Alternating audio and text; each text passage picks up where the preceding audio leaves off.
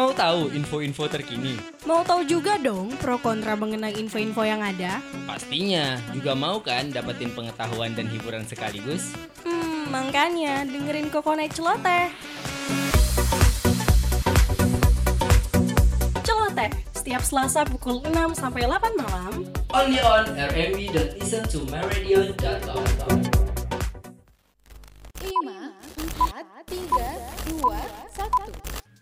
Kokonai Celoteh akan segera mengudara. Untuk rekan Buana bisa streaming di radio.mercubuana.az.id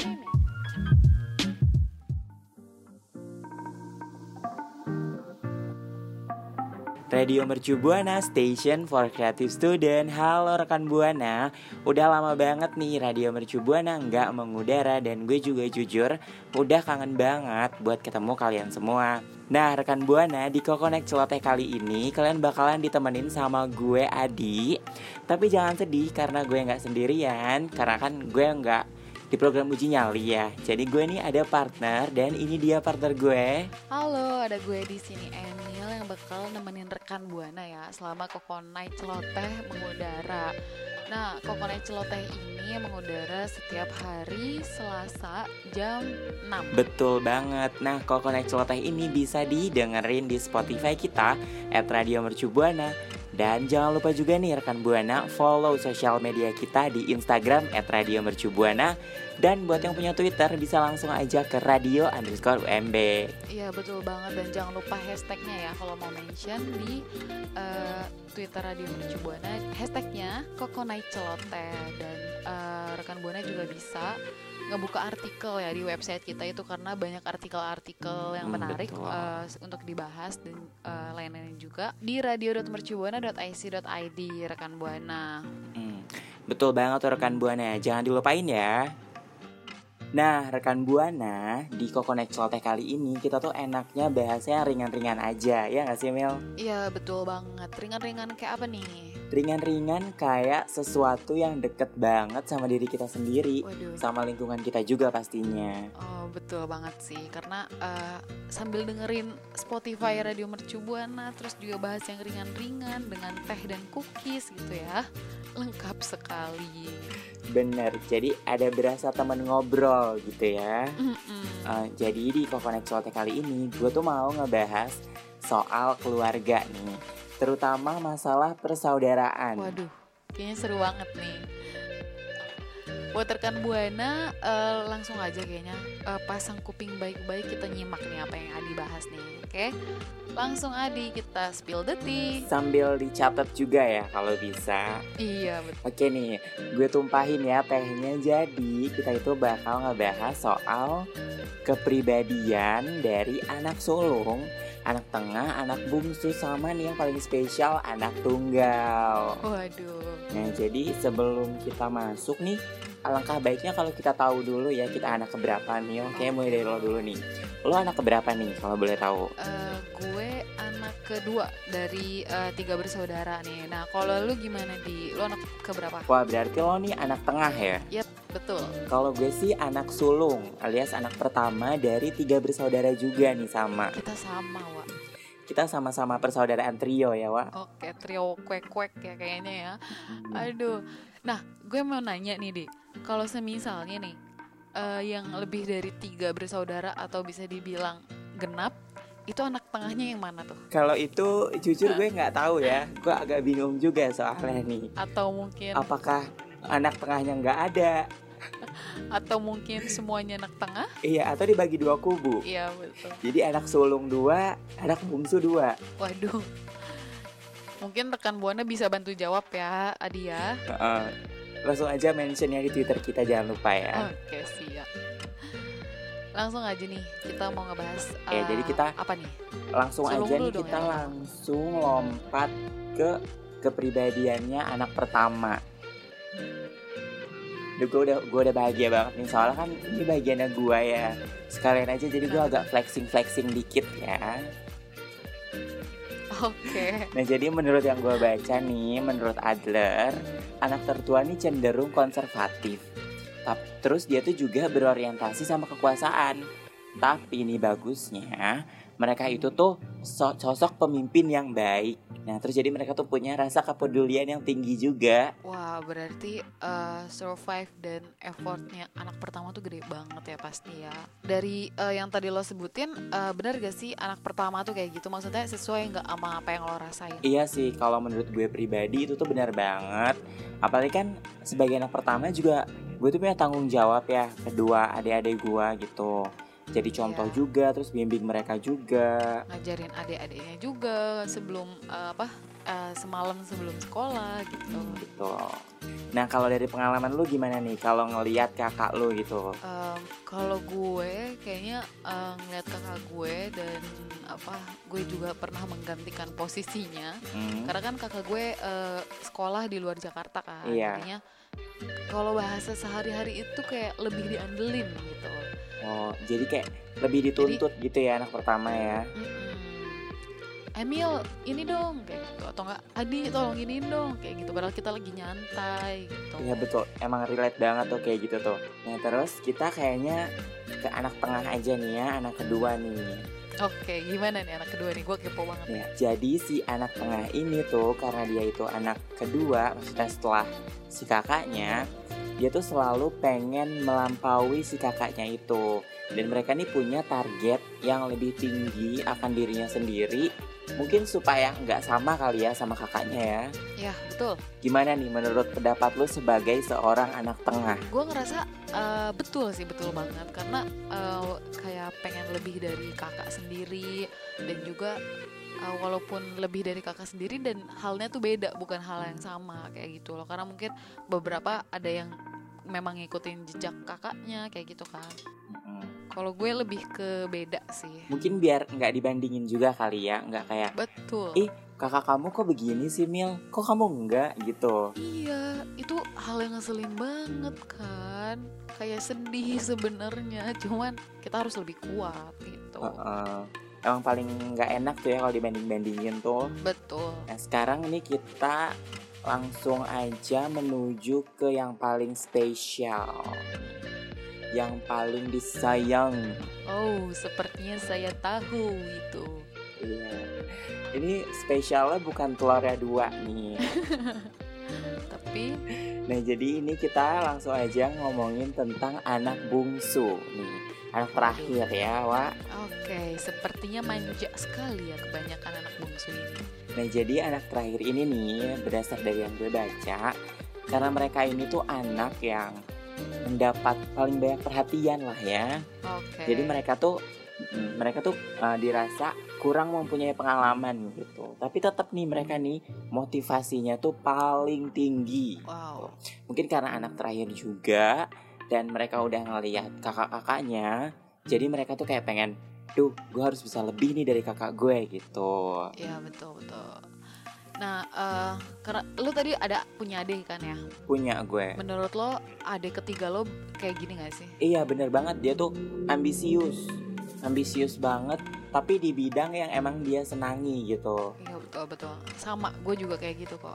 Kayak mungkin eh ambisi tentang yang disenangi itu kayak contohnya olahraga itu kayak bener-bener semangatnya tuh kelihatan banget gitu loh kalau anak terakhir tuh. Iya Apalagi kan adek gue nih yang terakhir tuh lagi into layangan banget ya Waduh.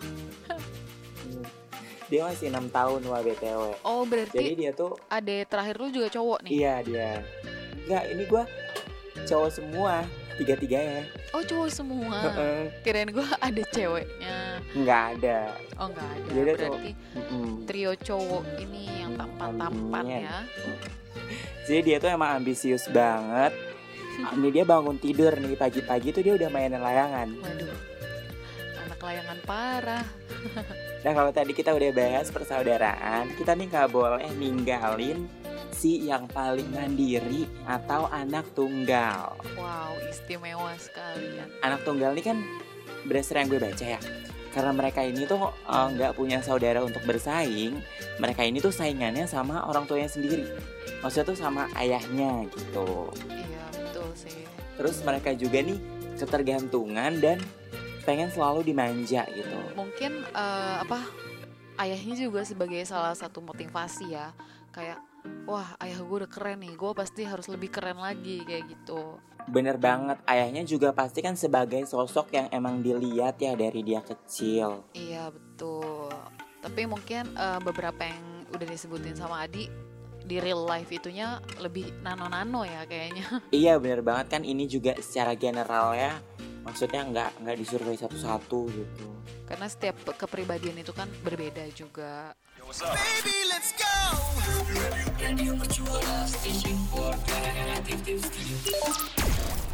Nah terus nih kalau kita udah ngomongin soal kepribadian tuh nggak bisa lepas dari yang namanya fakta-fakta. wow berarti ini lebih ke eh, apa ya lebih ke intinya gitu bukan intinya sih tapi lebih ke karakter Lebih ke apa ya sesuatu yang pasti gitu ya. oh iya betul Langsung aja nih gue bacain dan pastinya mulai dulu dari anak sulung.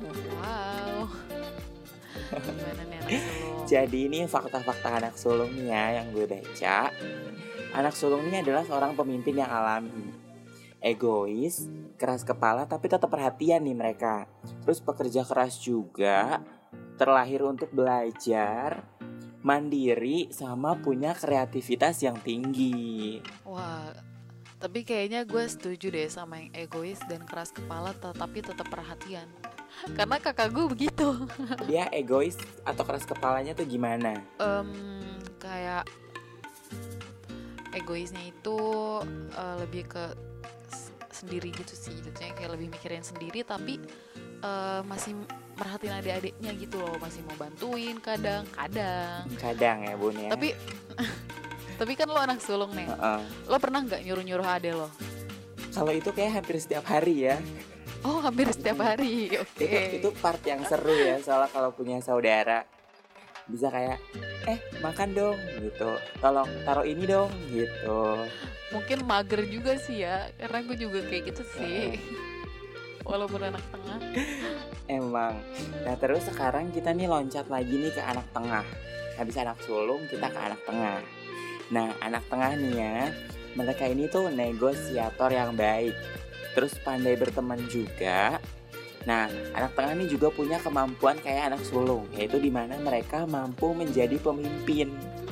Terus mereka tuh juga memiliki hubungan asmara yang awet. waduh. Gue bacanya aja tuh eh dengerinnya aja tuh senyum-senyum ya Wak. Iya, Wak. kayaknya kalau hubungan asmara itu tergantung gak sih maksudnya jatuhnya kayak tergantung pribadi dan eh, tidak berpacu sama keturunan yang keberapa gitu gak sih Mm-mm. Iya benar. Ini kan kalau ini balik lagi ke pribadian masing-masing ya. Jadi Iya, habis ini kalau mau PDKT tuh jangan sampai kayak nanya, "Eh, kalau boleh tahu anak berapa?" waduh gue anak pertama Ya. loh gue juga anak pertama ya, Aduh, nggak kan jadi itu deh juga- gitu. iya karena itu bukan parameternya juga sih Heeh. ya Nah, terus kan di fakta anak tengah juga nih ada mampu menjadi pemimpin ya. Terus relate juga nih sama cerita lo yang tadi tuh. Yang sempat Oke. ngegantiin kakak ya. iya betul Nah, terus kita langsung loncat ke ini nih, yang spesial. Anak yang terzayang. Zeng Kita ngomongnya zayang ya. Iya, harus anak terzeyeng itu anak anak spesial.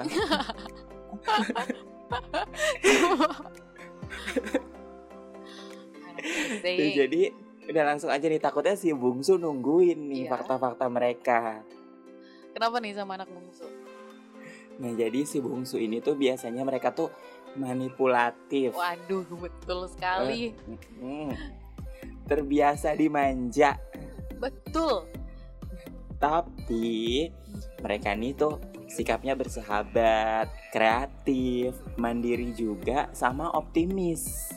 ya betul dan eh apa ya mungkin karena terzeyeng gitu ya Mm-mm. anak apa eh, kalau lagi manjanya tuh kumatnya tuh aduh bikin pusing wa Bukan lagi, apalagi pas ini nih part manipulatif. wow ini lagi dimanja, terus jadinya manipulatif dia. agak ngeselin gitu ya sebenarnya Ini juga agak relate sih sama adek gue yang terakhir nih cerita sedikit Oh, iya. ya. Adek gue yang terakhir kan bungsu. iya Udah gitu nih dia Scorpio. Waduh, makinlah manipulatif. Makinlah manipulatif dan beracunnya Mm-mm. gitu. Makinlah itu yang namanya bisa, wa. Hmm. Makinlah, makin-makin itu udah. Huru hara lulu lantah tuh dia ya kalau misalnya Waduh. manja terus marah ya. Waduh, kayaknya kalau anak bungsu tuh kalau diceritain tuh kayak ada ngeselinnya, terus juga ada hal lucunya. Mm-mm. Tapi eh, yang lebih ngeselin dari anak bungsu nih, apalagi kalau anak bungsunya masih baby atau nggak masih balita, itu biasanya adalah sebagai sosok pengintil. Bener Ih, gak sih? hmm. Bukan lagi deh kalau itu. Gue tuh kesel banget kalau misalkan lagi mau keluar, tiba-tiba dia Iya. muncul kayak ikut. Aduh. apalagi kalau Udah kalau itu udah Iya, apalagi kalau lo pengen main, tiba-tiba mak lo teriak, adik, adiknya ini bawa, jagain dulu. ya Allah, ya Allah. Udah udah nggak bisa deh itu gue mah udah mending gue di rumah aja deh nggak jadi main. iya, aduh, relate banget kita, gue juga digituin. Iya oh, makanya nih gimana nih pokoknya buat si bungsu nih please banget ya jangan kayak gitu ya kalau bisa ya. Iya, oke. Dan semoga terus kita anak lang- bungsu mendengar ini ya. Mm, pasti nih dia mendengarnya. Nah terus kita langsung aja nih ke yang paling spesial juga nih yaitu anak paling mandiri, anak tunggal. Waduh, anak istimewa. Hmm, betul banget. Jadi si anak tunggal ini dia tuh fakta-faktanya nih yang pertama mereka ini teratur, Wow. terus percaya diri, Mm-mm. mandiri juga, egois, tapi kritis sama sensitif. Iya, iya, iya, betul. Ini emang kalau misalkan gue baca-baca terus gue inget-inget juga nih ada ya temen gue yang anak tunggal dan Iya. mereka tuh emang mandiri. Iya, sama gue juga.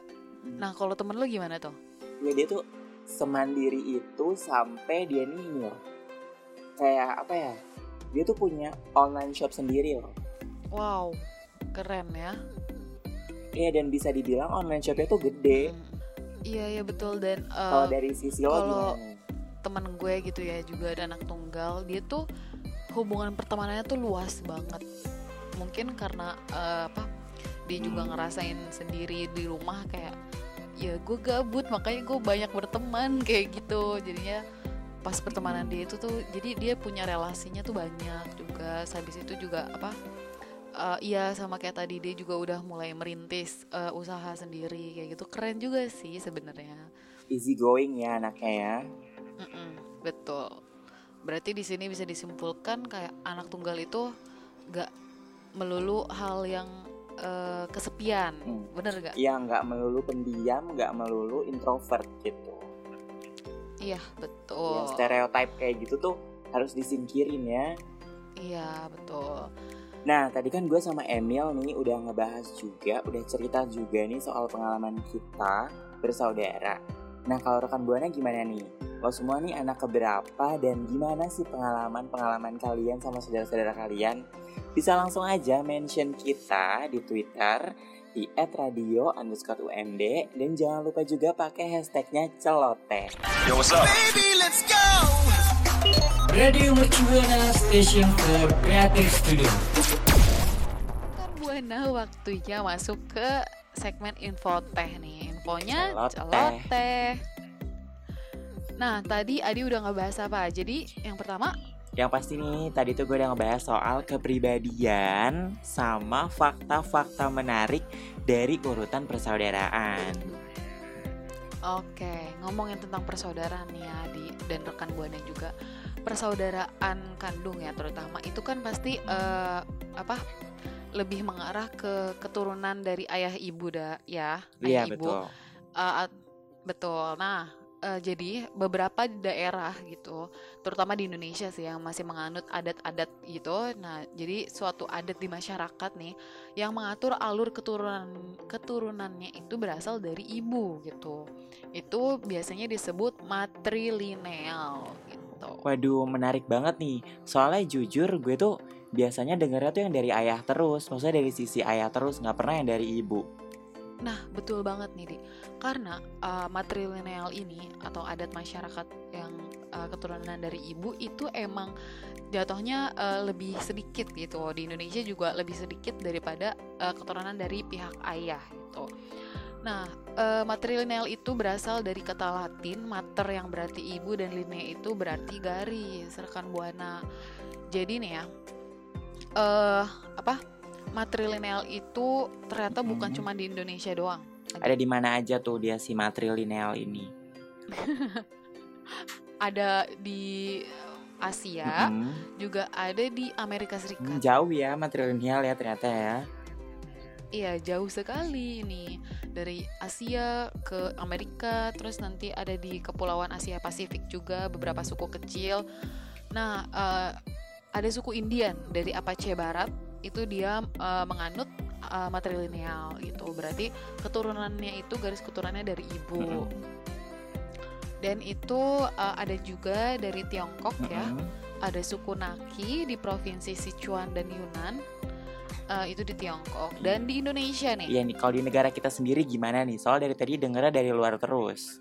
Oke, dari luar terus ya. Dari luar negeri kita balik lagi ke dalam negeri itu ada suku Minangkabau dari Sumatera Barat, di Wow. Sumatera Barat Iya jelasnya, nih. dan suku Kerinci di Jambi gitu. Nah, Dari dalam negeri kita meluncur lagi nih ke Amerika Serikat. Jauh ya. Kita keluar negeri Jauh mulu nih ya. kayaknya nih. Di Amerika Serikat itu ada suku Navajo yang menganut eh, apa matrilineal dan juga suku Pueblo dan suku Crow dan lain-lainnya masih banyak lagi gitu. Dan juga eh, di Asia Pasifik gitu. Nah, tadi kan kita udah ngebahas tentang eh, keturunan dari pihak ibu. Iya. Nah, kita ngebahas eh, keturunan dari pihak ayah nih yang lebih eh, Yang lebih dominan umum gitu ya. Itu eh, kalau ibu matrilineal, kalau dari pihak ayah itu adalah Kalau- patrilineal gitu. Nah, kalau lu sendiri di eh, apa ada nggak? Eh, lu dari matrilineal atau patrilineal? Kalau gua jujur nggak tahu ya soalnya nggak ada ke marga-marganya gitu tuh nggak ada. Oh iya, sama gue juga. Oh, di di keluarga gue soalnya nggak ada tuh matri sama patri. Jadi ini jujur menarik banget buat gue pribadi. Eh, mungkin kalau di Indonesia yang patrilineal itu kayak lebih banyak Batak, suku Aceh, Mm-mm. suku Minahasa juga, suku Sang suku Sangir dan suku Gayo gitu.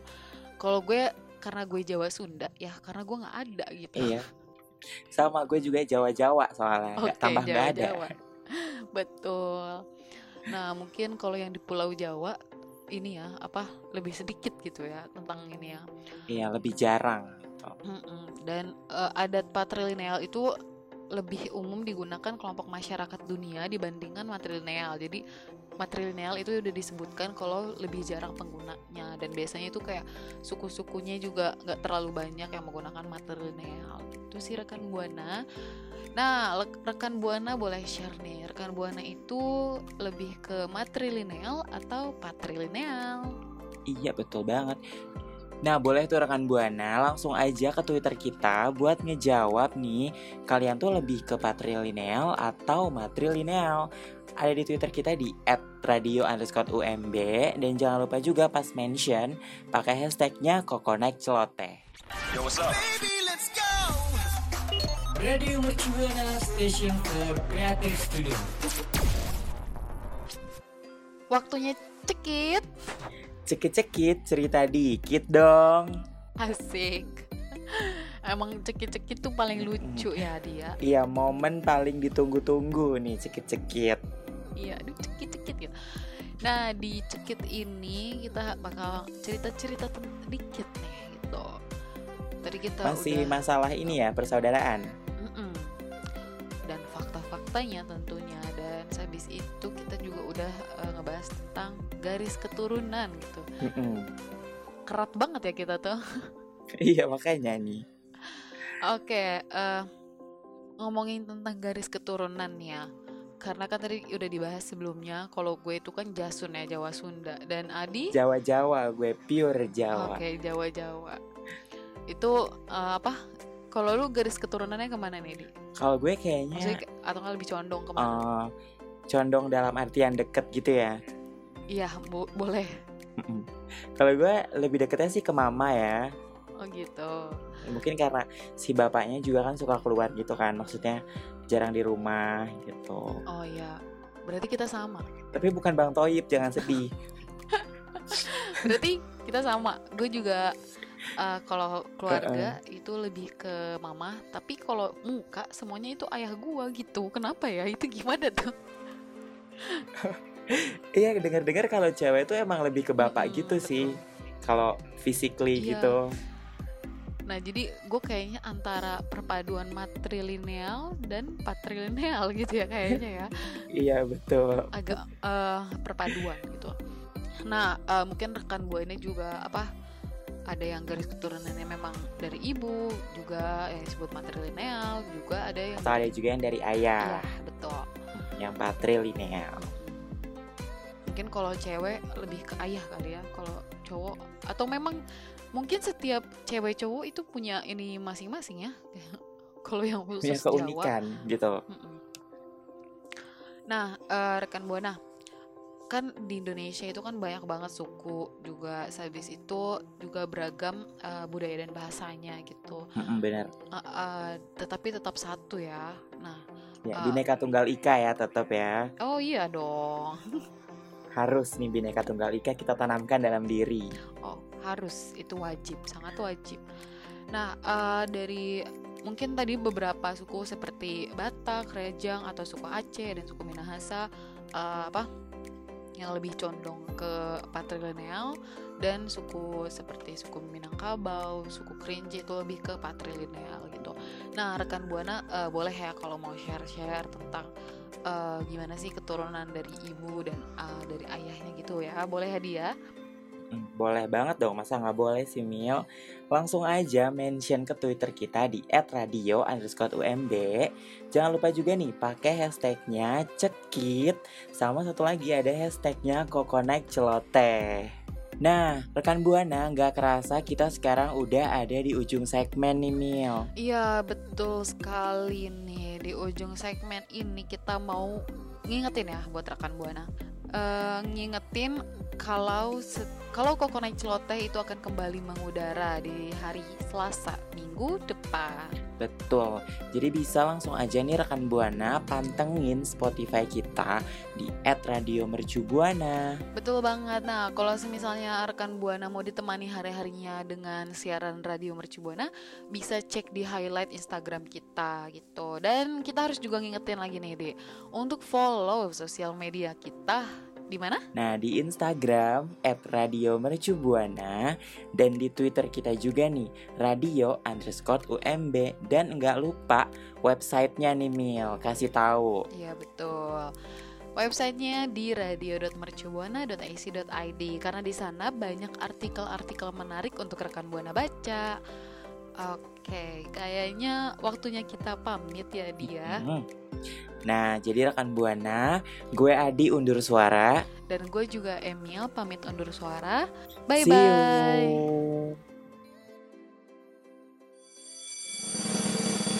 Kokonai Celoteh telah mengudara selama 2 jam. Buat rekan Buana, ketemu lagi ya di Selasa malam selanjutnya.